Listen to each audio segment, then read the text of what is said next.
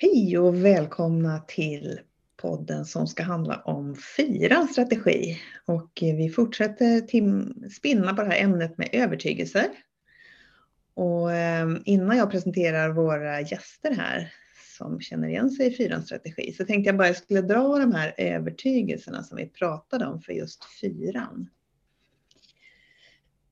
Och övertygelse, jag kanske ska dra det också igen, är ju någon slags, man kallar det på engelska för hidden assumptions. Alltså att vi går och har en massa omedvetna idéer som vi kanske aldrig har tänkt exakt så rakt ut. Men på något sätt så styr de oss i alla fall. Idéer om oss själva, hur vi ska vara och hur andra är. Och som påverkar och som ofta ligger i vägen för utveckling framför allt. Därför att vi kanske inte är så medvetna om att vi tror på det där. Men om vi kan plocka upp det i ljuset och liksom plocka isär det och, och lite få hål på det där spöket som vi liksom tror på så kan det göra ta, kan ta nya kliv i utveckling. Så fyrans exempel då på övertygelser eh, och de här kan man förstås formulera lite olika men jag drar dem som vi har satt upp. Det mörka är mer på riktigt än det ljusa. Det jag saknar finns någon annanstans. Jag måste leta efter det. Jag är annorlunda, och kommer aldrig att accepteras av andra. Det är något fel på mig. Om jag får det andra har kommer jag känna mig hel. Jag lever bara helt och fullt när jag har kontakt med intensiva känslor. Mina känslor leder mig rätt. Och ingen kommer någonsin att förstå mig. Och tre personer som vi får se då hur mycket de känner igen sig i det här är mina tre gäster idag. Therese, Thomas och Lotta. Jag tänkte att ni ska få presentera er. Eh, jag börjar med Lotta. Ja, fyra. Lotta Borgsten. Med stark vinge till femma och självbevarande instinkt. Så mycket känner jag mig igen mig i. Jag har jobbat som coach väldigt länge, över 20 år. Massa olika inriktningar, ledarskap ja, livs och karriärplanering. Och nu är jag väldigt, väldigt, väldigt eh, glad att coacha många i sina liv, livscoaching. Och jag driver mm. Frihetsbyrån. Och det är ganska nytt? Jag har haft det länge, men jag, i och med att jag haft så stort fokus på ledarskap och ledarskapsträning och grupputveckling och processcoach och så där så har det här inte riktigt fått blomma ut som är tanken att det ska få göra nu. Och då är ju enneagrammet jättehjälpsamt. Tack Lotta. Ska vi ta damerna först? Vi går till Therese då. Ja, jag heter Therese Hedlund och är fyra med intim instinkt. Och jag tror att jag genom livet sådär har dragit väldigt mycket åt trean. Men jag börjar mer och mer också få kontakt med min femma flygel. Och det är häftigt tycker jag. Jag eh, är frilansande skribent och journalist och eh, redaktör. Men jobbar också en del med kommunikation inom Svenska kyrkan och leder TIKVA. Och sen är jag ju då, har jag haft förmånen att få gå och utbilda mig till certifierad coach inom enneagrammet tillsammans med dig Tina och Ann. Så det håller jag också på med och har lett lite workshops med, om, med det på Zoom och sådär nu under Corona. Och Thomas? Ja, jag heter Thomas Tillerup. Øh, jag är dansk, så mitt øh, svenska kommer att låta lite øh, annorlunda än, än det som ni pratar, så jag har en väldigt stark dansk brytning på det. Vilket ju också gör mig annorlunda äh, som fia. så det kan jag väl också gilla lite på något sätt. ja, förutom att jag är dansk och bor i, i, Sverige, då har jag jobbat inom mode äh, för män äh, specifikt genom de sista 10-15 år. Och det var väl också initiellt liksom produktet øh, och intressen i, i design och så som attraherade mig det, till, till den, øh, ska vi säga, business-type. Øh, så det var väldigt intressant, men jag har nu de senaste ja, 12-18 månader lagt om, så jag har gått tillbaka till universitetet och utbildat mig inom human resources nu. För att jag upptäckte att även jag hade stort intresse om, inom det kreativa och produktet, att mitt intresse inom människor och människor i organisationer äh, blev mycket större än min intresse för produktet.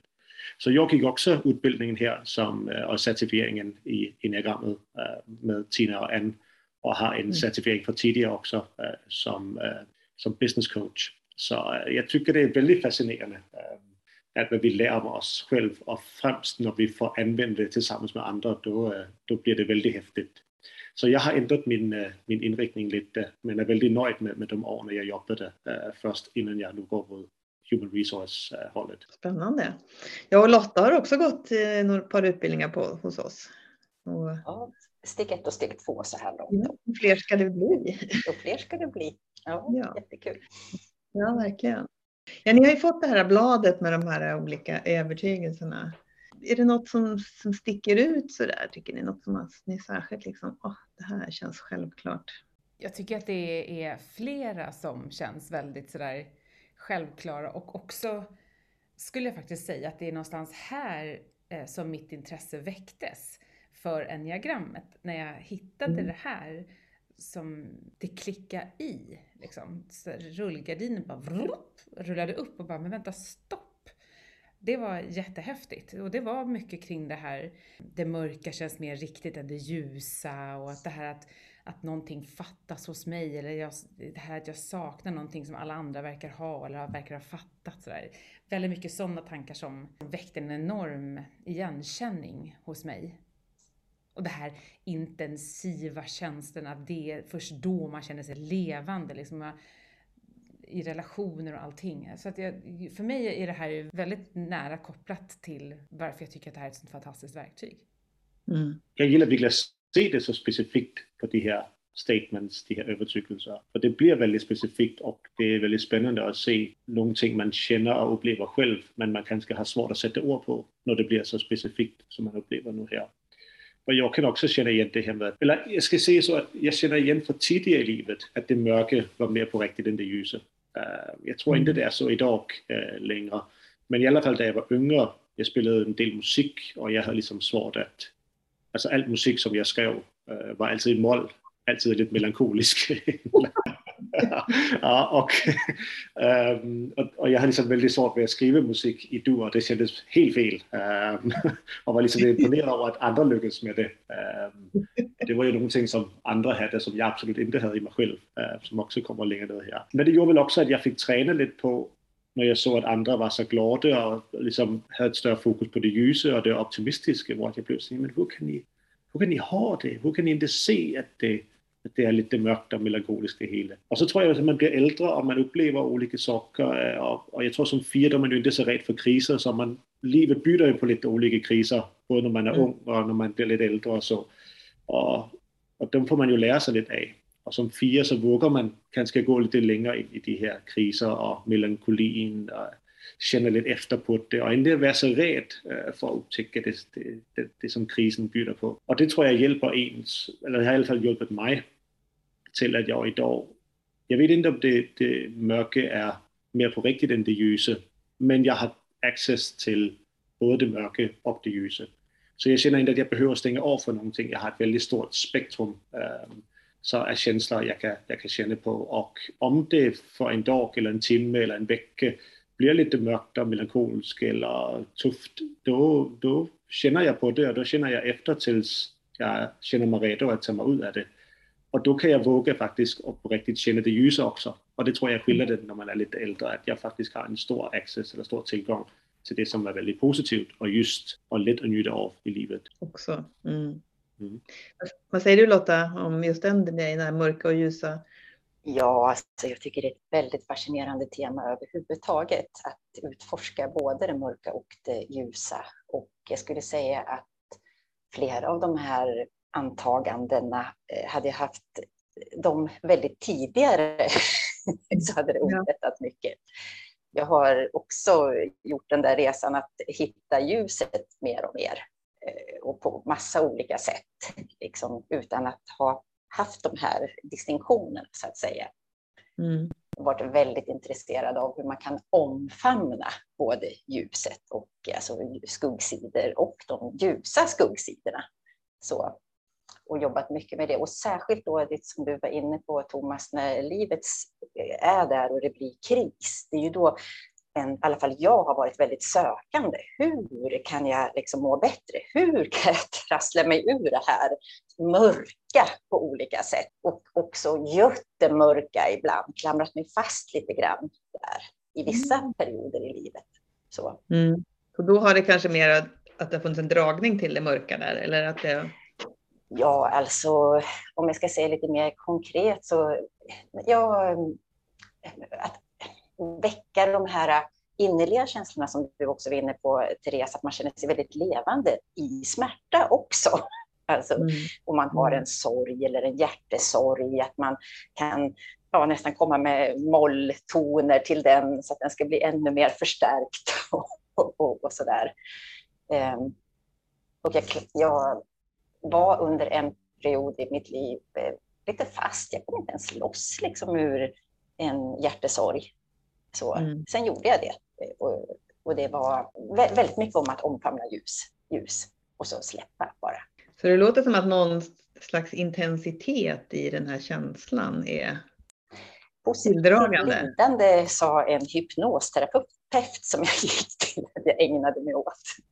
Förlåt, jag hörde positivt lidande. Att jag, och drivkraften i det är att känna sig levande. Wow, positivt lidande. Ja. Det skulle kunna varit rubriken på det här samtalet. ja, det var väldigt positivt intressant. Lidande. Det blev ju en vändpunkt förstås när jag insåg det där. Mm. Ja. Och jag kan verkligen relatera till båda de sakerna ni säger. Både det här som Thomas sa från början, att det här är ju saker man kanske inte har satt ord på själv, men som man nu har fått hjälp att sätta ord på och bara känner igen. Men just mm. det här med det mörka, eller kanske snarare det djupa, skulle jag vilja säga också. Ja, eh, för det är inte bara mörker, utan det är också det här djupet. Mm. Ehm, jag menar, min man kan ibland säga när vi sitter i sammanhang att, att samtalet blir så annorlunda när du är med. För plötsligt bara woof, dyker det ner på djupet och pratar om det här som är viktigt på riktigt. Och jag tänker bara, va? Men vi bara pratar ju. Han bara, nej, nej, nej. Alltså han är nia själv, min man då. Och, men, så det är så intressant, att, för jag tänker inte ens på att man kommer det här djupet och faktiskt bidrar med, in i samtalen med det här djupet. Men jag vet att jag har suttit i så många sammanhang där folk har skrattat och skämtat och man har liksom bjussat och hupp, hupp, hupp, och pratat och jag har bara suttit och tänkt så här, när ska jag kunna komma in i det här samtalet? Var ska jag kunna mm. slänga mig in? För att jag kan inte, och jag har verkligen försökt förstå, vad är det som är så roligt? Jag, det, det, vad, är, vad, är, vad är det jag ska liksom kugga in i? Och jag har ibland upplevt samtal nästan som ytliga och då har det nästan varit lite så här att här sitter jag och är lite djup för mig själv. Jag menar att, att jag nästan sett mm. att det här är ytliga människor.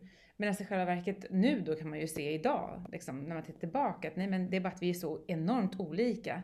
Mm. Ehm, och idag kan jag istället omfamna, precis som du säger Lotta, det här djupet eller mörkret eller melankolin. Jag kan omfamna det eh, med kärlek idag och se att jag faktiskt kan vara till användning för andra genom att jag själv har landat.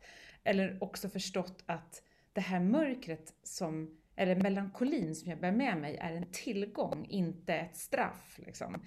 Ehm, och då plötsligt kan jag ju då som sagt vara till hjälp för andra just för att vi fyror har ingen rädsla för andras mörker heller. Liksom. Att man kan stå där med dem och bara, men keep it coming, ja, det här stör mm. inte mig, det skrämmer inte mig. Och det, mm. Men det, det, det var tuffare när jag var yngre, eller när jag, när jag inte fattade liksom, vad det var för fel på mig, varför jag inte förstod vad som var så himla kul hela tiden. Mm. Men det, man kan fastna där och tänka att liksom, det här är oseriösa människor. Det är bara jag som är mm. seriös. De förstår ju ingenting. Ja. Och då blir lite av det här som vi brukar kalla för fyrans världsbild ibland också. Att, att dels att andra har något som inte jag har, men också att jag har något som andra inte har. Ja, precis. Jag kan verkligen känna igen det du pratar om här, Therese.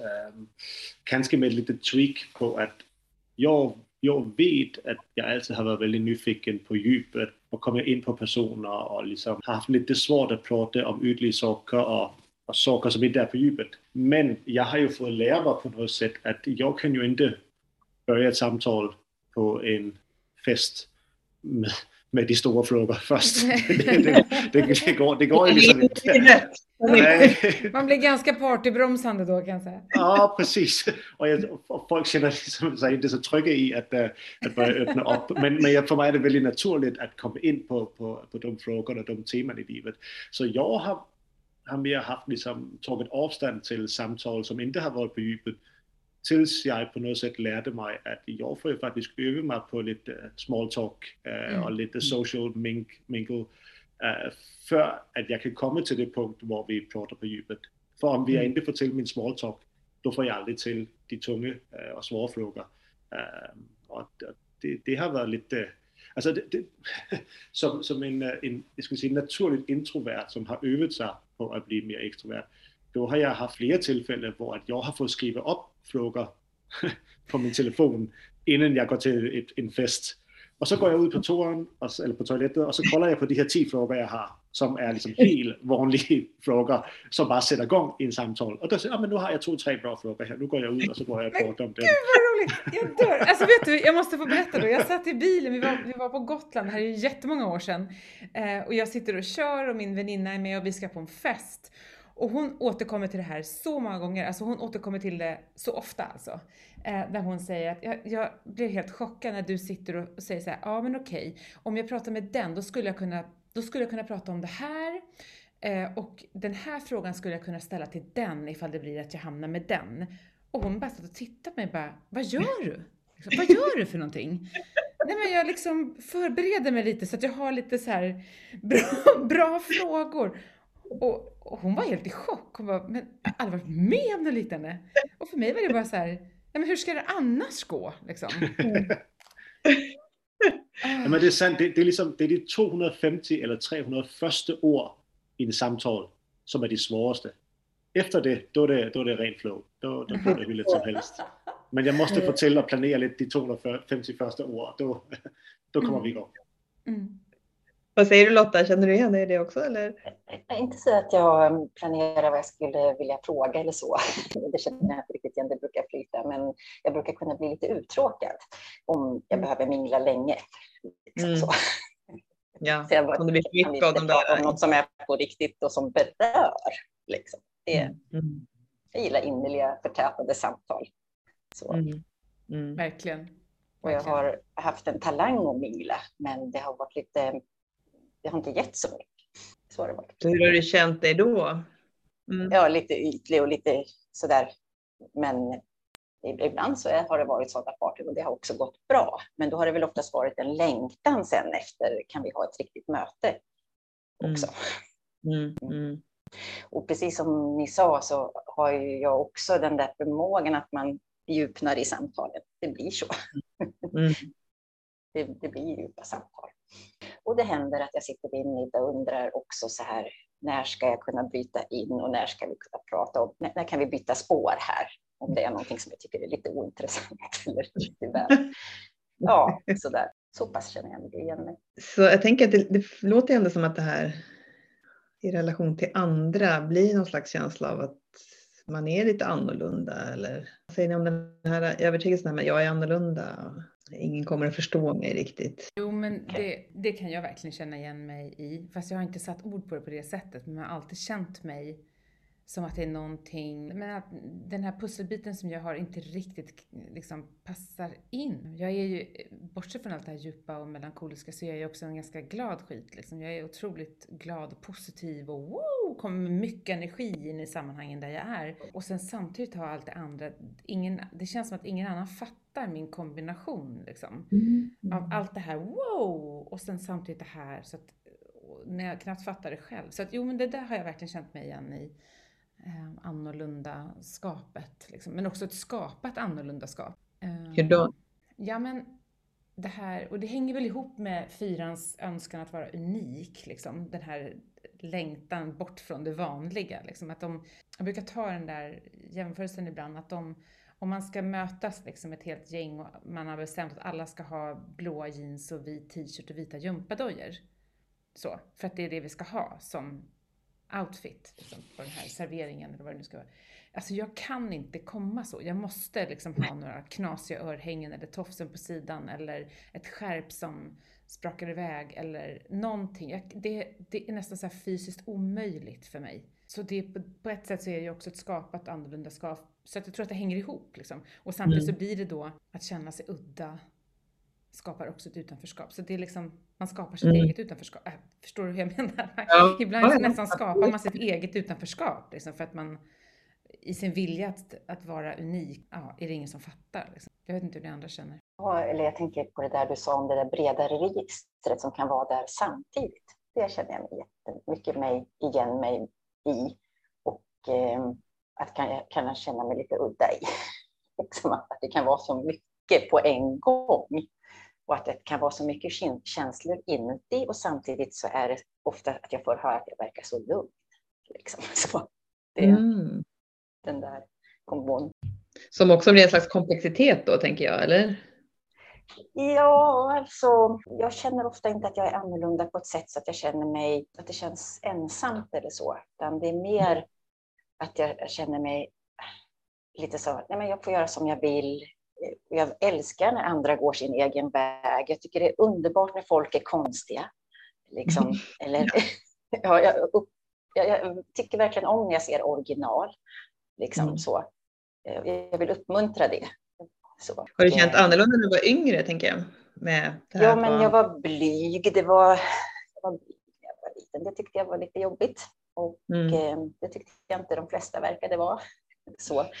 Mm. Men en sak som jag verkligen märker att jag sticker ut på idag och som ibland jag får stå upp lite för, det är att jag behöver vara ensam så mycket och mm. tycker att det är skönt att dra mig undan. Till exempel om alla kollegor går ut och äter lunch och så får jag se att jag skulle behöva vara ensam en stund. Ja. Att, att liksom jag får förklara ofta varför jag behöver vara ensam. Och sen när jag har sagt det så är det ju ingen konstig grej, men att eh, det, det, känner jag att jag har mm. någonting som ja, jag, jag ibland får försvara. Så. Jag tänker särskilt med ett så pass utåtriktat jobb som du har, med, med jobba med team och med coaching och med liksom hela tiden människor. Ja, jag har ju lett väldigt mycket kurser och eh, mm. väldigt mycket hållit i grupputveckling och då är det ju en talang att kunna lyssna liksom efter de här mm. ja, signalerna och alltihop och så. Men efteråt så har jag ju behövt gå och jobba med mig själv för att få ur, ur systemet. Liksom. Mm. Så, och då behöver jag vara ensam. Så att, mm. jag har haft jättemycket eh, jobb att återställa mig efter att jag mm. hållit en kurs eller efter att jag har hållit en eh, grupputveckling. Ja, och då blir det lite krävande i längden. Mm. Mm. Så det är ett av skälen faktiskt till mm. varför jag tycker att det är så härligt att jobba en till en. Det, det är så mycket mindre krävande än att stå och hålla ett mm. rum och leda ett rum och mm. ja, vara mer av trean så att säga. Just det. Jag vet inte riktigt hur kom vi in på det här? Vilken, vi pratade om det här med att vara annorlunda och inte bli förstådd. Ja, ja, exakt. Det här behovet av att vara ensam och behöva ta hand om sin energi så mycket. Ja. Så. Och samtidigt så upplevs jag ofta som en som har hög energi. Ja. Så, mycket. För jag ger väldigt mycket då när jag är ja. närvarande och med i matchen. Så balansarbete har varit vanligt. När vi, när vi pratar om att det här känner sig annorlunda jag ser igen liksom två faser i det. Det kan väl också vara för att man jobbar med sig själv och plötsligt har insikt i enneagrammet och därmed också självinsikt. Jag i alla fall som yngre, som teenager speciellt, kände mig väldigt annorlunda. Och jag kände mm. väl att ursprungligen att jag hade väldigt svårt att förstå andra. Men egentligen handlade det väl om att jag hade väldigt svårt att förstå mig själv. Mm. Och istället för att försöka förstå mig själv så försökte jag förstå andra. Varför var andra så duktiga på att vara sociala? Varför var de så duktiga på det här? Uh, hur kan det vara att de inte har svårt med de sakerna som jag har svårt med? Uh, och så. Men sen igen när man blir nyfiken och om man liksom tränar och är nyfiken på sin självinsikt eller på, sin, på att uppnå självinsikt, då kommer man till någon sorts, alltså när man väl mognar i den här resan, då kommer mm. man till någon sorts accept av att, men okej, okay, jag är annorlunda och istället för att, som det här statementet heter, jag är annorlunda och kommer aldrig accepteras av andra. Då känner jag idag att ja, men jag är kanske annorlunda, i alla fall på insidan, känner mig annorlunda. Men jag kommer att accepteras på det sätt för att jag har accepterat det själv. Um, och det är inte lika viktigt att söka, aktivt söka den bekräftelse. Och det hör jag väl också till den emotionella triad med tvåan, trean och fyran vi lägger väldigt mycket fokus på vad andra tycker om oss och det som andra mm. tycker om oss reflekterar eller influerar väldigt mycket om hur vi tänker om oss själva. Och kan man liksom mogna sig igenom den process till att inte bli så starkt påverkad av vad andra tycker om det, då börjar man att komma och bli något mer autentisk, som ju också är en stor drivkraft för, för firan, att känna sig autentisk. Och att känna sig autentisk hänger ihop med att känna sig annorlunda och acceptera att man känner sig annorlunda äh, på det sättet. Äh, och det har varit en väldigt stor liksom, upptäck, upptäckelse också för mig i alla fall personligen. Så, men okej, okay, fan, det, jag kanske inte är som de andra, men vi kan inte alla vara på samma sätt, så jag är på det här sättet och nu, ja, så, så får det vara. Och på något sätt hitta ett lugn i det. var väldigt stort i alla fall för mig. Mm. För jag, bara, jag då som tillhör de andra. jag, bara tänker, om man tänker att jag är annorlunda, då måste det finnas någonting som är samma då hos andra. Är det så ni ser ni, att det finns någon slags likhet mellan andra människor? Det finns något, ja, man måste ju ha något alltså, annorlunda från. Precis, ja jag förstår. Jag tänker att, jag tror att för mig har det nog hängt mycket i det här att jag, jag är ju ingen minglare till exempel. Jag, jag är ju inte en, men jag har ju trott att jag har varit det. Eller jag har liksom gått på myten om att det är sån jag är, för att jag är väldigt utåtriktad som person. Mm. Eh, och alla andra är ju det, så varför ska inte jag vara det? Jag, jag bland annat så, jag håller också på med musik, Thomas, eh, och har sjungit gospel till exempel sedan jag var 13 och vi har turnerat ganska mycket med det. Eh, bland annat har vi varit på jättemånga olika USA-turnéer och sådär och rest mycket. Eh, och då kanske vi har varit ute och sjungit, liksom, kört två, tre konserter på en dag.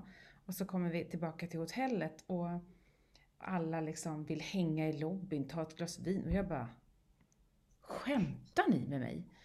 Jag måste bara upp och stänga in mig på mitt rum. Och då har jag känt mig jättekonstig. Jag vet att, och det har mm. hänt i så många olika sammanhang, just den, den grejen. Och det är lite mm. det du satte ord på också Lotta, det här att man måste ja. checka ut liksom. Men, men jag har inte fattat att det var ett behov hos mig. Jag har trott att det var något fel på mig. Liksom. Mm. Um, och där har faktiskt enneagrammet också hjälpt mig mycket att bara berättiga den känslan att men vänta, jag kan vara allt det här, men jag har också det här och ett jättestarkt behov av precis det du säger Lotta, eh, att vara ensam. Men, men när jag var yngre hade jag inte ord för det. Eh, för ingen i min närhet var sån. Det var bara jag och då blev jag konstig. Mm. För att jag tog slut och började gråta. Liksom. Och då tyckte folk att jag var jättemärklig. Liksom, Vad är det med dig? Skärp dig! Jag bara, jag var helt slut. Så där, det är ju en sån sorts grej att jag tittar på andra då och tänker, vad är det, hur bär de sig åt? Hur, mm. hur, var kommer den där extra växeln ifrån? Och hur kan de tycka att det är så kul att sitta och hänga? Vi har ju hängt hela dagen liksom. Jag är ingift i en familj där alla är supersociala och nu har de äntligen liksom börjat kunna outa det här att jag behöver vara själv. Liksom. Och det är för dem helt så här, konstigt. Konstigt. Så jag tror att det, för mig är det mycket... Så det, är ju, ja, det är ju en grej. Mm. Nu tänker jag kanske utifrån min strategi då, strategi, mm. att det blir någon slags FOMO skulle jag känna då. Att om jag drar mig undan och alla andra är liksom tillsammans. Men jag känner ju det. Jag känner Också. jättemycket mm. FOMO. Mm. Eh, och då blir det ytterligare en konflikt. För jag känner mm. så här, jag måste härifrån. Annars går jag mm. sönder. Och samtidigt mm. tänker jag, jag vill ju vara där för jag kommer missa det roliga. Så att det blir mm. en, för mig är det så i alla fall, att det är en enorm kamp däremellan. Jag känner inte så mycket igen mig i den kampen. Utan... Men vi har också olika Däremot instinkter är... tänker jag. Ja, precis. Ja, Ja, det tror jag är skillnad. Mm. Vad har Thomas för instinkt? Det, det sa du aldrig va? Också självbevarande. Ja, självbevarande, det säger jag. Ah, mm. Mm. Och här kommer jag med alla känslorna på en och samma gång. Extra allt. vi, vi är så vana vid när vi jobbar med enneagrammet att vi får, vi får liksom face våra utmaningar först. Allt det som vi har lite svårt med. Det är, enneagrammet är väldigt äh, specifikt och väldigt bra på att lista upp allt vad vi tycker är svårt. Mm. och så får vi, så är det oftast med det vi, vi börjar med att få lite smisk och sen kan vi börja titta på vad det är som egentligen är bra med, med strategierna, motsatt många andra ähm, psykometriska äh, verktyg. Mm. Men det är också, jag tror också det är viktigt att poängtera att, eller för mig i alla fall känner jag att, att när det finns de här utmaningarna, de här övertygelser som låter ganska tuffa, jag tror speciellt för individer som har andra strategier än Eh, Eh, jag hör oftast att fienden är den som är svårast att förstå för de andra strategierna. De har lite svårt att få grepp om alla de känslorna här. Och, alltså, jag har fått, ofta fått frågor om, men om du är så känslobaserad. Hur kan du då jobba med business? det, går, det går väldigt bra faktiskt. För jag tror också att, att det finns ju kvaliteter som att när man känner sig annorlunda, och det här med att, att det kan vara någonting fel på mig. Jamen går man igenom ett arbete med sig själv och lär att acceptera det och finna att om det är någonting som är annorlunda, då betyder det också att jag kan se ett, med ett annorlunda perspektiv. Mm. Um, och jag har en helt annan kreativ vinkel när jag kollar på problem eller resurser eller lösningar. Um, och det är väldigt viktigt att förstå. Men det finns på den andra sidan är accept. Så innan du kommer till accept så är det, nej men jag är annorlunda, jag kan inte det som de kan och det är någonting fel på mig eller jag är inte lika så social som de andra är. Ja, men visst, jag kan vara exakt så social som de andra är fast jag är det på mitt sätt och jag balanserar det med mina resurser eh, och behov. Men oftast istället för jag upplever inte FOMO till exempel som Therese äh, kan göra. Det kan bero på instinktet. Äh, mm. Jag upplever mer liksom, äh, som det roligt nog heter, alltså JOMO, the joy of missing out. Och att jag väljer vad jag, vad jag aktivt uh, deltar i. Och jag väljer också vad jag inte vill delta i uh, för att, uh, för att njuta ensamheten eller det som på engelska heter solitude, vilket är ett väldigt fint uh, ord. Mm. Så det är också, jag tror, många av de här statements eller övertygelser, när man, kommer, när man vänder på dem, då har de några väldigt, väldigt starka uh, styrkor uh, i sig. Uh, och det, det, tror jag är oftast resan för oss att ta sig igenom och säga okej, okay, jag har en lista utmaningar eller saker jag inte fattar helt varför jag agerar så eller tänker så eller känner så. Men om jag vänder på det och tänker jag, men det gör jag på grund av det här och då har jag faktiskt en resurs, om det är kreativitet, om det är känslomässig kapacitet, om det är empati, om det är att förstå andra och att det är att tillåta andra att vara i en svår situation och, och vara ganska öppen omkring det. Det finns en enorm kapacitet inom fian äh, som det. Men har man inte gått igenom de punkterna själv och löst det, då är det väldigt svårt att dela det med andra. För då kommer du att känna dig annorlunda utanför att du är felbehäftad eller så. Mm. Och då är det svårt att dela det äh, med andra. Jag hade först fått strategi 9, hade jag hittat hem i. Och sen under steg ett då så fattade jag mer och mer att det är nog ändå trots allt fyran och blev så väldigt förtjust. alltså att hitta hem, verkligen den här känslan av att hitta hem. Liksom så. Och även i de här lite jobbigare sidorna då, att kunna bli självupptagen. till exempel att fastna i ja, känslor och lite sådär. Men ändå, jag måste bara säga att jag tycker att det är så härligt att känna igen mig i fyran. Alltså, att det kändes så skönt att få hitta hem i den. Ja.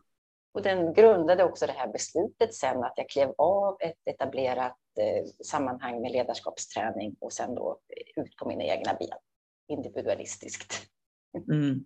Ja, det är fantastiskt. Vi så det är någonting där både ni, båda ni två pratar om att, att bejaka det som man har som är en gåva på olika sätt och, och vända det till någonting som man kan använda kreativt eller positivt eller som funkar för en. Att kanske följa med floden lite mer än att försöka simma motströms och vara som så, ja. alla andra. Eller Precis, att andra. inte anpassa sig så mycket utan att, att få vara verkligen sin, sig själv med alla olika ja, sidorna. Mm, mm. Jag fick fortfarande vara mig själv i, i det sammanhanget jag var, men det var bara så skönt att hitta hem i den här strategin. Kände ni så också? Ja, ja verkligen. Ja. Det, var, det var en sån eh, befrielse för mig. Verkligen. Jag vandrade också runt lite i mitt eget huvud först. Var jag, trodde jag var åtta länge och jag var, var och sniffade på sjuan och trodde länge att jag var etta. Men det har varit verkligen så här, var, var ska jag landa liksom? Men åttan är kanske inte så konstig eftersom fyra med stark trevinge kan ha lite samma energi som åttan men de har ju inte skammen och den har ju definitivt jag fått kämpa med. Så att, eh, därför så vart det till slut att jag landade här. Hur var det för dig Thomas? Men jag hittade faktiskt strategi 4 ganska, jag tror första gången att jag liksom började intressera mig för, för eh, enagrammet. Men som jag lärde mig mer om enagrammet och mer om de andra strategierna, då började jag bli lite tveksam. Kanske jag är mer etta, kanske jag är mer sjua, kanske jag är mer nia. Men varje gång kommer jag liksom tillbaka till, nej men vänta, det är, det är fyran. Ja. Jag kände väldigt mycket igen äh, omkring avund. Och, Avunden. Mm. Ja, precis. Mm. Ja, och det, jag känner igen i alla fall också att igen, jag tror mycket det vi upptäcker, upptäcker vi när, väl, när vi är väldigt liksom unga och omogna, när vi inte har lärt så mycket omkring oss själva. För, för då är de här drifter och dynamiker väldigt starka inom oss och de kontrollerar oss. Vi kontrollerar inte dem. Och jag kände när jag var yngre att jag hade väldigt mycket avund i mig. Alltså hade jag en kompis som fick ett nytt jobb, en kompis som hade köpt någonting nytt eller hade ett stort, ett kompis, hade fler kompisar än vad jag hade eller liknande. Då kände jag avund på en gång. Och det var liksom, det var väldigt jobbigt för mig. Alltså mm. väldigt jobbigt faktiskt och jag fick kämpa väldigt mycket uh, med det. Och det går ju också att säga att som självbevarande att det fanns ju på insidan inuti mig. Men det var aldrig någonting som jag delade uh, med kompisar eller familj eller så. Mm.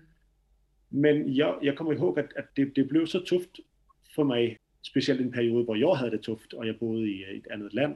Eh, det gick inte så bra med jobbet, eh, det gick inte så bra med kärleken, det gick inte så bra med, med så många saker. Men hos flera av mina kompisar hemma i Danmark gick det väldigt bra. Och då, jag blev så trött, alltså jag blev så trött till sist. Och då, eh, då tog jag faktiskt ett beslut och sa, nej men fan jag orkar inte det här längre. Jag orkar inte att känna så mycket avund äh, längre. Så nu tar jag ett beslut att varje gång jag känner den första impuls mot avund, då tar jag den impulsen och säger nej, hur kan jag glädja mig över det här istället för? Om jag har en mm. kompis som har fått ett nytt jobb, äh, fått en högre lön, köpt en ny bil, hur kan jag mm. bli så glad att jag verkligen känner det i magen, i bröstet, i hela kroppen? För om jag kan känna glädje för att det går bra för honom, då växer glädjen. Nu är det plötsligt två personer, nu är det tre personer fler. Och varje gång jag kände den puls, då var jag bara, nej, fan jag tar det här, jag vänder på det. Och det funkade ju faktiskt. Jag upptäckte att jag hade en väldigt stor kapacitet och var väldigt glad för hur det går för andra. Uh, och då var jag väl typ, jag tror jag var 20 eller 21 år eller så, uh, där, där jag tog det steg. Uh, och bara kände aldrig mer ska jag känna avund.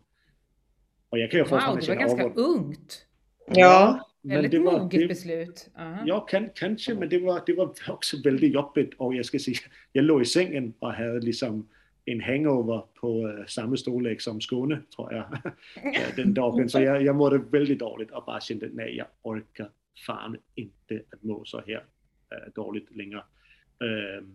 Och jag märker ju att det är klart med social media, med, med folk man pratar med och så, att, att det påverkar mig väldigt starkt och det var väldigt det hänger också ihop med att man jämför sig med andra. Jag, jag tänker att det har lite med här med, det ligger, tänker jag, bakom det här med att jag är annorlunda, alltså att ja. Eh, andra har någonting som inte jag har. Det är ju en slags avund.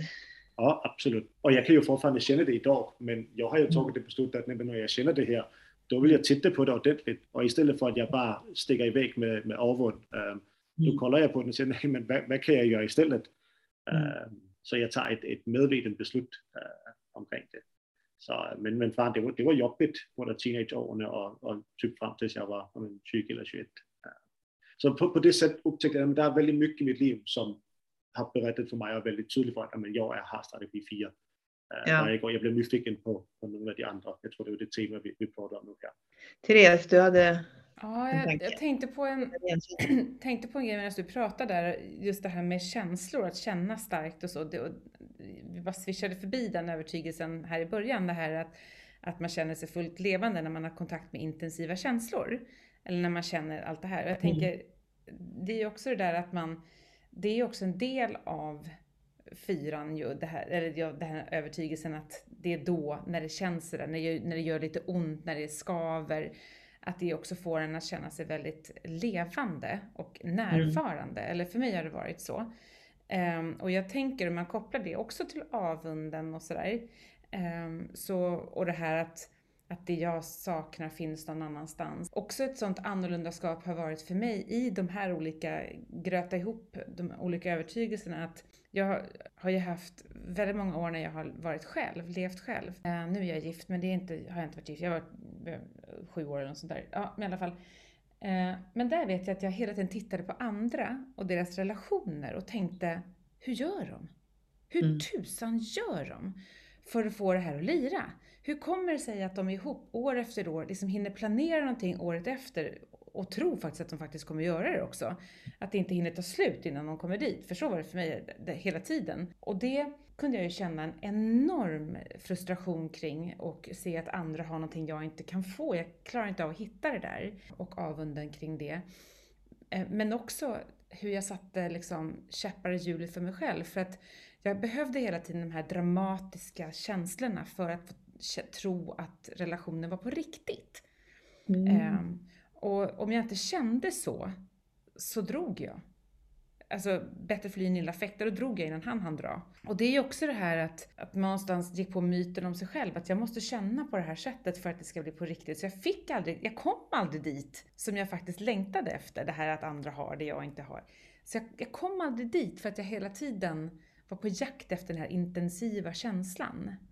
Och det var också en sån ögonöppnare för mig när jag läste om det just hos fyran. Mm det vart en sån, aha, det finns liksom fler som är så här och att då hade jag ju gjort den resan själv innan jag hittade enneagrammet men det vart en sån skön bekräftelse på att jag hade tänkt rätt. Liksom, mm. att jag måste sluta jaga intensiteten i känslorna och försöka hitta det jag skyr, nämligen vanligheten och omfamna även den.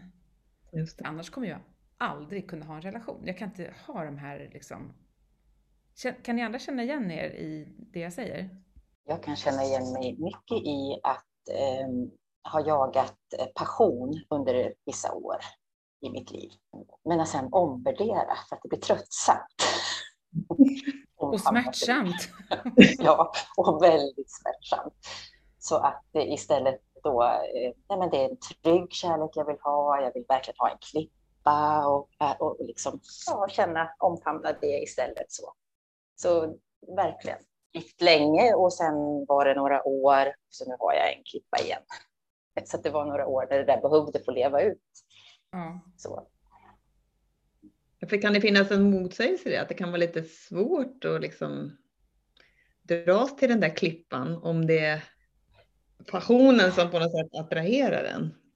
Men det är andra saker. Det finns där också, men inte på det mm. jobbiga sättet. Alltså det är någonting mm. som är ett skift, har blivit ett skifte.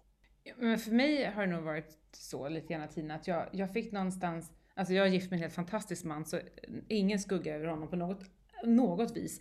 Men, men för mig var han, jag, jag tror, hade jag inte gjort min resa så hade vi nog inte mötts. Eh, för han stod för något helt annat än det som jag har haft fokus på, det, det som jag har sökt i det här intensiva, närmast psykopatdragen hos män, liksom, som jag har landat hos. Liksom. Och han är något helt annat. Och det, det tror jag inte att jag någonsin hade funnit om jag inte hade gjort den här resan. Och jag önskar, precis som du sa Lotta i början, att önskar så att jag kunde fått de här verktygen tidigare i livet för så mycket smärta och virvar jag hade sluppit om jag bara hade fått syn på det här lite, lite tidigare. Och också att jag hade sluppit orsaka andra smärta, för det är en del i det här också faktiskt. Ja, så Ja, för att jag har ofta fått höra att du ger mig dåligt självförtroende, Therese. För att jag har liksom haft så extremt höga krav på den här människan som har druttat in i mitt liv. Liksom. Att han ska möta mina behov. Ja, hjälp alltså. Ja, så det hade jag nog, det hade nog varit till hjälp både för mig och andra. om jag hade upptäckt det här tidigare. Så tänker jag att vi måste göra våra resor. Det är bara så. Ja, så är det. Det går inte att liksom hoppa över något eller. Men bara det här samtalet vi har nu. Att jag mm. ens säger en sån här sak, att jag är ganska transparent och berättar, det är ju väldigt fyrigt. Det är sådana här samtal som Lotta och jag och Thomas går igång på, liksom, när det är på riktigt och det känns så bam! Ja. Eller hur? Ja. ja, jag måste säga att jag är böjd att hålla med. Numera. Det kanske inte var förr, men, men, men absolut nu.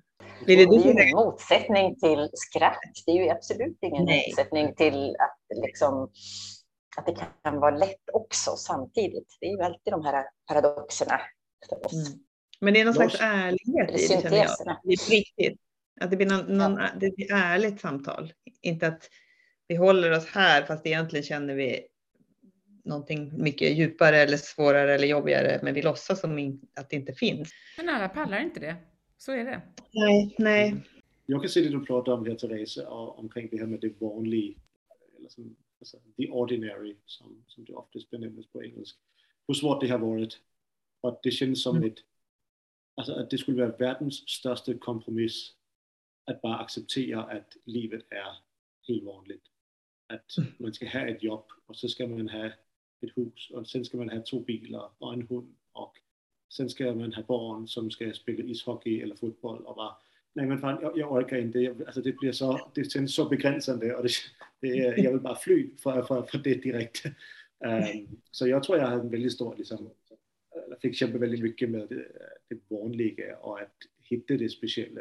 Men jag lyssnade på en, en podcast eller en intervju för länge sedan, men var en, en annan självbevarande fia sa att det var väldigt stort för honom när han upptäckte att det vanliga kunde vara helt speciellt. Det var liksom en, en gateway för mig, alltså det öppnade ett helt annorlunda perspektiv, att man kunde tycka att någonting vanligt, alltså att ett helt vanlig upplevelse, en helt vanlig dag kunde vara speciellt. Och det, det öppnade ett, ett, ett nytt øh, perspektiv øh, för mig, absolut. Och, och det, det, har jag liksom benefitat øh, väldigt mycket från. Sen att jag kan bli väldigt begejstret för, för små saker, eller jag kan se att vanliga små saker bara behöver ett litet twist och sen kan det bli väldigt roligt, väldigt spännande, det kan bli ett äventyr, det kan bli någonting nytt, det kan vara att jag tappar kontrollen, det kan vara allt möjligt. Och det är det som blir spännande, att jag inte vet riktigt vad det blir. Och att jag får utforska det lite. Det blir lite äventyrskänsla, Eh, att, att jag, jag inte har så mycket kontroll eh, över min dag eller min vecka eller mitt schema eller mina upplevelser eller vad vi ska äta ikväll eller vad det blir. Eh, att jag gillar verkligen att släppa kontrollen och så ser vi vad, vad, vad som händer. Och det kan vara väldigt bra det kan också ha sina utmaningar ibland. Men för mig låter det också mycket mer som att leva i närvaro. För då vet vi faktiskt inte, eller det gör vi ju aldrig, men, men då är vi ju med det som är just då. Och varje stund är ju faktiskt helt ny och har aldrig hänt förut. Varje ny sekund vi möter har aldrig varit exakt precis likadan någonsin. Så allting är ju egentligen extraordinärt hela tiden. Jag kom på när du pratade om din uh, kärleksstory Therese, att alltså det, det ord som kom till mig, det är liksom self-sabotage. Øh, att man, att man på något sätt saboterar sig själv, vilket mm. ju såklart inte är unikt för fyra, det gäller ju för alla strategier. Men jag kan ju bara prata till det, eller om det från ett, ett fyra perspektiv. Och alltså, när man först upptäcker hur mycket man saboterar själv, hur mycket jag förstör för mig själv vid att agera på känslor, vilket vara øh, att hantera en situation dåligt ved att øh, spela på gamla copingmekanismer eller försöka att få øh, äh, någonting til att funka som inte funkar eller kontrollera någonting jag absolut inte kan kontrollera. Då, när man först liksom upptäcker hur mycket av det det handlar om att sabotera sig själv eller saker man vill uppnå eller göra, som man kanske är lite rädd för eller kanske inte känner att man förtjänar eller är bra nog för eller så, då, jag, jag, läste en bok för ett, ett tag sedan som är, skriven av amerikansk författare som heter Gay Hendrix. Boken heter The Big Leap och han pratar om, uh, om det här med glas, uh, loftet, the glass ceiling, som vi har så svårt med igen. Glastaket, tack. Och att vi kan leva i olika zoner också. Vi kan leva i liksom vanliga zoner, vi kan leva i zoner där vi lever och använder de styrkor som vi är speciellt bra på. Så, och den boken, alltså, den, den läser man på, på på två dagar och är väldigt pedagogisk och väldigt strukturerad och också lite åt det spirituella äh, håll. Att vi får upptäcka några av de mönster och tankar och känslor som faktiskt saboterar det vi gärna vill göra. Och mm. upptäcka när det liksom börjar. Och den hjälper mig väldigt mycket till att, att faktiskt bara acceptera och realisera att men fan, det är jag som fuckar det upp för mig själv. Nu vet jag inte om man får prata så på mm. podcast. Men det, är, det, är, det är jag som fuckar det upp. Det är, det är inte andras skuld. Eller det, det leder min, jättebra. Det leder min tanke till någonting som ni pratade i tidigare avsnitt om, Tina. Ja. Eh, när ni pratade, det kanske var när ni pratade i introt där om de olika strategierna och deras över, eh, övertygelser. Mm. Så pratade ni just om fyran och så kom ni in på det här sökandet, att man hela tiden söker, att man söker i utbildningar, går massa utbildningar, det har jag gjort, massa utbildningar hela tiden, man är hela tiden på väg. Och så sa ni någonting som verkligen var rakt i krysset för mig. Man skriver den här romanen, men man, ja, du vet, man skriver på den här boken men blir aldrig klar. Alltså jag har ju skrivit en romanmanus och skickat till en lektör som har gått igenom det. Jag har liksom allting klart. Jag kan bara gå in och sätta mig och bara börja peta det här. Men jag gör det inte. Utan då bara, nej, jag måste vara rätt i känslan. Jag måste ha känslan. Det funkar inte. Men jag, jag kan inte bara sätta mig ner och skriva, då dör det liksom. Och, och en sån gång är verkligen känslorna det är ju katastrof liksom, för att man är så mycket i sin känsla, eller jag är så välutvecklad är inte jag än tyvärr. Att jag är ju fortfarande väldigt mycket i mina känslor, fastnar i mina känslor, styrs av mina känslor och det här som är i stunden, ögonblicket här och nu liksom. Vilket gör att jag har flera sådana här icke klara projekt bakom mig som jag önskar att jag någon gång kunde få fatt i tillräckligt mycket etta-kraft eller vad det nu behövs liksom för att få det gjort, liksom bara göra det. Åh! Det blir en enorm frustration för mig att, att jag startar en massa saker som jag inte gör klart för att jag är så beroende av att känslan ska vara rätt. Och det kan ju göra mig galen. Liksom. När man ser hur mycket alla bara, men du är ju så driven. Ja, jo, det kan jag verkligen vara. När stjärnorna står rätt liksom, då, då tusan. Men mm, jag vet inte hur ni andra känner. Det går inte att bestämma sig för bara, utan det, nej, det ska nej. vara... Så, det är så fort jag bestämmer mig, då blir jag uttråkad. Ja, då blir det ramar och då blir det så här, wow, helt supertråkigt. Det måste vara så här, wow. Så det är lite den här övertygelsen, mina känslor leder mig rätt. Att, att känslan har någon slags över, eh, vad ska man säga, övergripande eh, rätt. Ja, det måste, Men fan, de kan också lida där fel.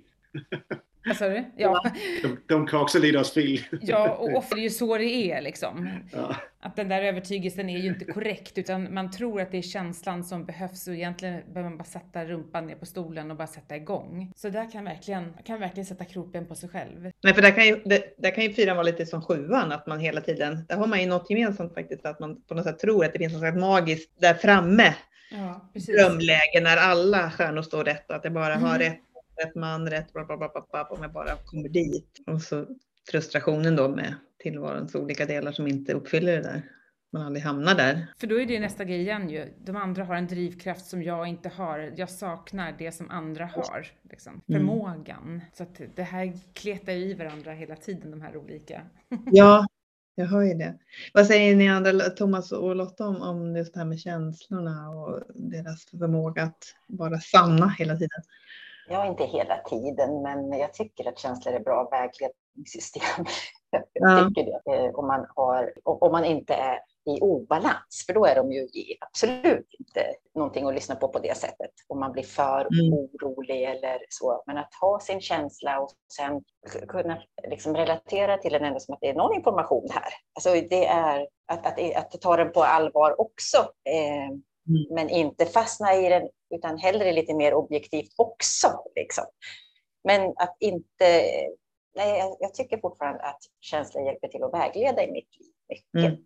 Mm. Och särskilt intuition. Men det är inte att räkna med när man är reaktiv eller ur balans. Då, då blir det fel. Och det håller jag med om. Intuitionen och känslan. Så absolut, det här var mer en Ja. avart, men, eller när Mm. det blir tok. Men, men jag håller verkligen med dig.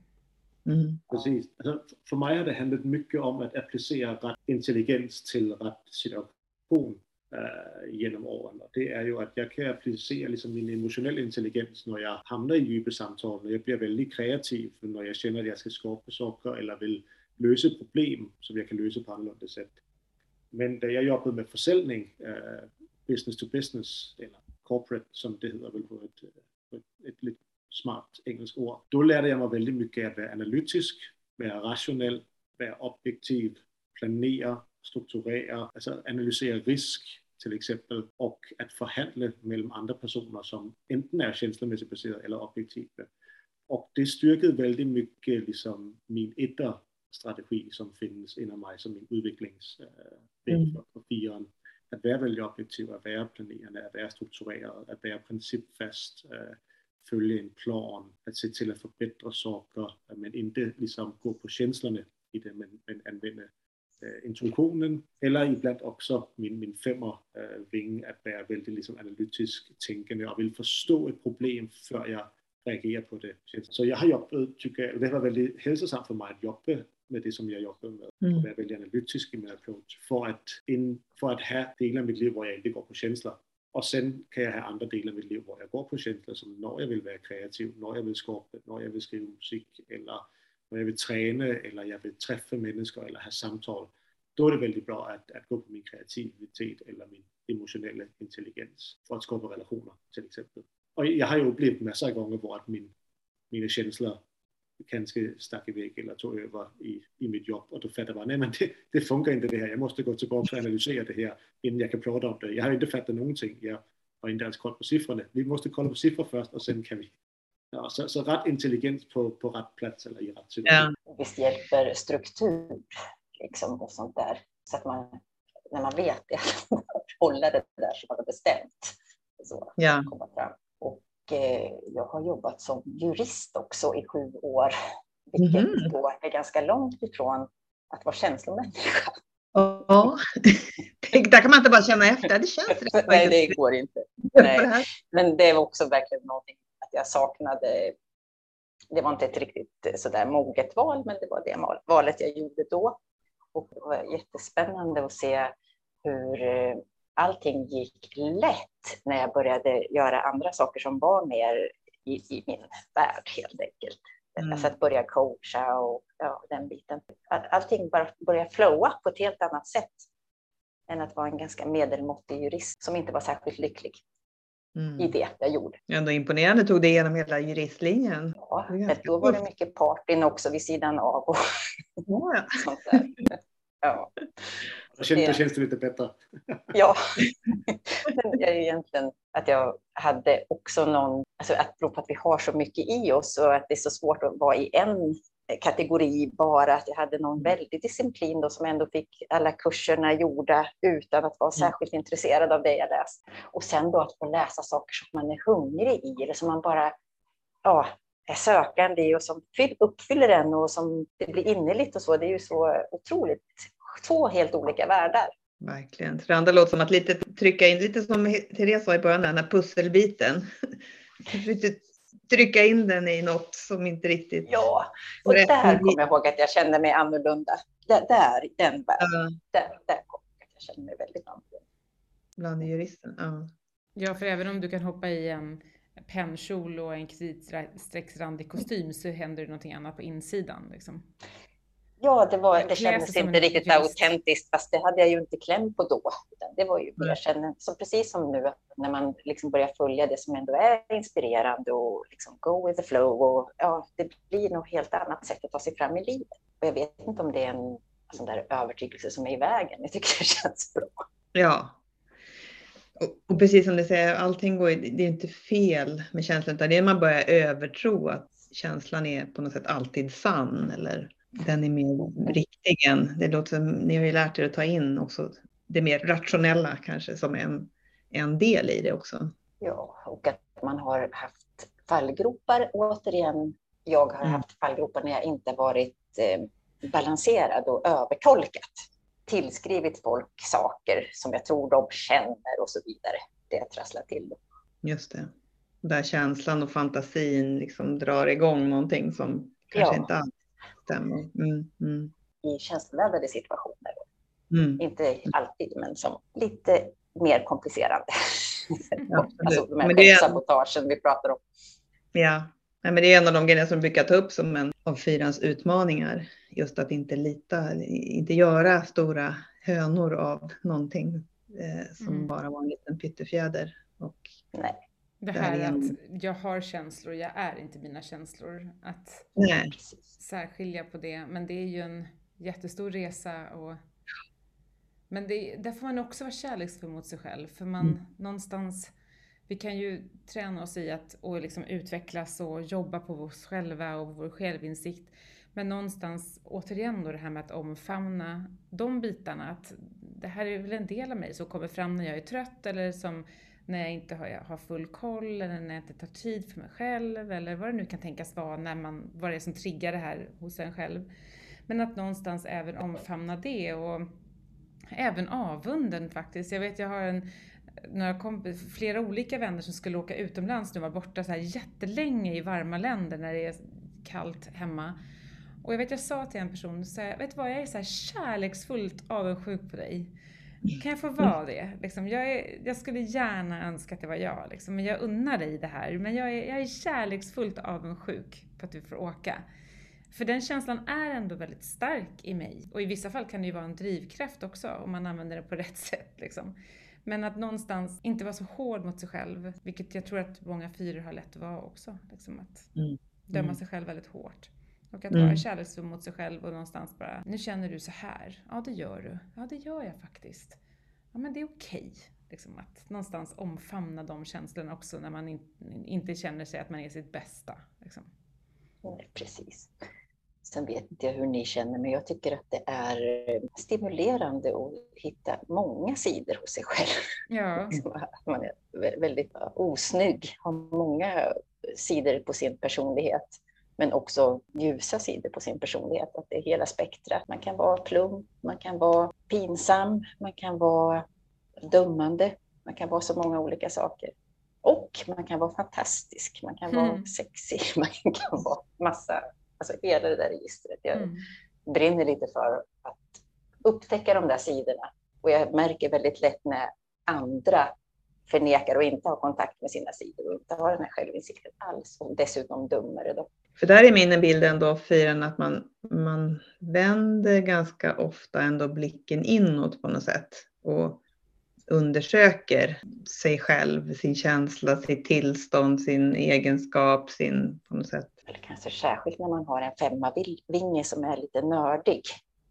Liksom. Vill förstå kanske? ja. ja. ja. Jag kallar min sida att den är väldigt nyfiken och vill förstå. Ja. Och då är det positivt nördigt mm. för mig.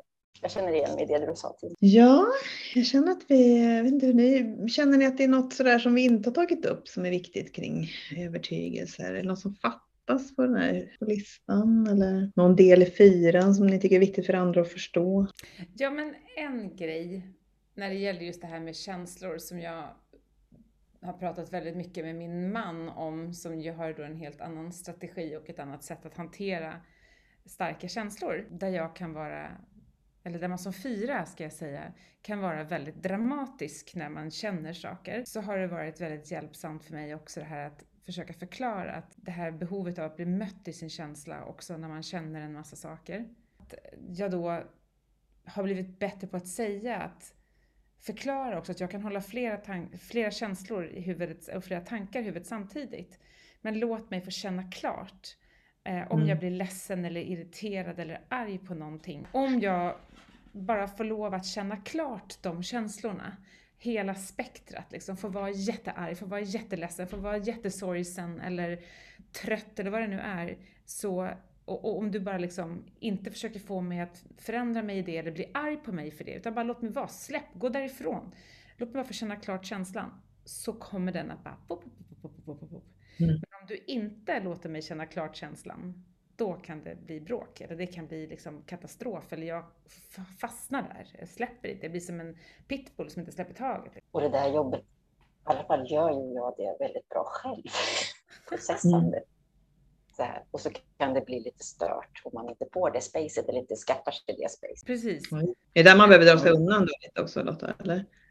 Ja, i alla fall en stund, men finnas ja. gärna kvar och liksom bara fatta att det pågår någonting där, det kommer gå över. Mm. Så gå inte, du behöver inte gå därifrån. Man, de får gärna vara kvar. Men låt, mm. låt den försvinna klart. Jaha, precis. Enligt enneagrammet är försvarsmekanismen för strategi 4 är ju mm. också introspektion. Introspektion, ja. Mm. Och, och introspektion, där man liksom vänder allting och filtrerar genom känslor.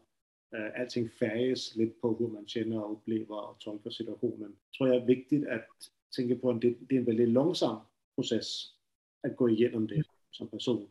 Uh, hvorimod en åtta oftast är väldigt rak, tydlig, snabb och klar, alltså redo att kommunicera vad hen vill på en gång och vad, vad som ska hända och hur man belöser saker. Och det tar lite tid för en fyra att liksom vända alla känslor, för oftast blir det både mina känslor och dina känslor och kombinationen av dem för att förstå vad det är egentligen som händer här, vad är det för en dynamik vi, vi håller på med. Øh, uh, och introspektion är en lite øh, långsamlig process. Uh, øh, så precis som du säger Therese, att det tar lite tid att liksom bli klar med den process uh, förrän man egentligen återvänder till situationen, ta upp samtalet, lösa konflikten eller, eller vad det blir. Och, och på något sätt känna sig trygg i att säga, men nu, jag behöver lite ett, ett ögonblick, låt mig lige gå igenom det här själv på mitt eget sätt. Då ska jag... det, det är faktiskt någonting som, som svenskar är väldigt bra på. Vi är väldigt bra på att fundera. Fundera? fundera. Ja, precis. Så, så för fyra är det väldigt bra att fundera lite innan man kommer till skott. Mm. Ja, men då kanske vi ska avsluta där med att fundera. När pratas vi vid nästa gång? Det här var spännande. ja, det, det kan vi ju göra igen det. ja, vi får väl ha fler poddar. Det är på andra sätt också förstås. Men eh, jag vill bara säga ett stort tack till er för att ni har varit med här idag och delat så öppet och, och ärligt om er själva. Och det kommer säkert att ge en massa aha till andra som lyssnar på det här och eh, förhoppningsvis att andra förstår människor de har runt omkring sig lite bättre. Så stort tack till er som bidrar. Tack för förtroendet att få vara med. Jag skulle precis säga det. Tack för förtroendet och jätteroligt att höra er andra. Ja, tack så mycket. Det var roligt att uh, få ta del idag. Det var allt för den här gången. Om du är nyfiken på att uh, lära dig mer om enneagrammet så kommer vi att ha en grundkurs under våren som vi brukar ha. Det första steget är den 17 till 18 mars och det andra är 5 till 6 maj. Det hittar du all information om på vår hemsida enneagramcenter.se under rubriken utbildning. Är du mer nyfiken på bara grunderna i enneagrammet så har vi eh, öppna föreläsningar under våren, ett par stycken. Vi har den första den 15 februari. Och eh, då kommer vi att lite grann utgå från det här med psykologisk trygghet som man ändå lyfter upp allt mer. Eh, vad är det som får oss att trivas på jobbet och göra vårt allra bästa? Och där eh, pratar man mycket nu om just psykologisk trygghet, hur otroligt viktigt det är. Och det kopplar vi ihop då lite med det här med självinsikt och enneagrammet. Så det är väl det som händer härnäst. Och eh, vi kommer att fortsätta att ha de här eh, intervjuerna också med personer som har olika strategier för att prata om övertygelser. Så att vi hoppas du kommer att fortsätta lyssna. Allt gott så länge. Hej då!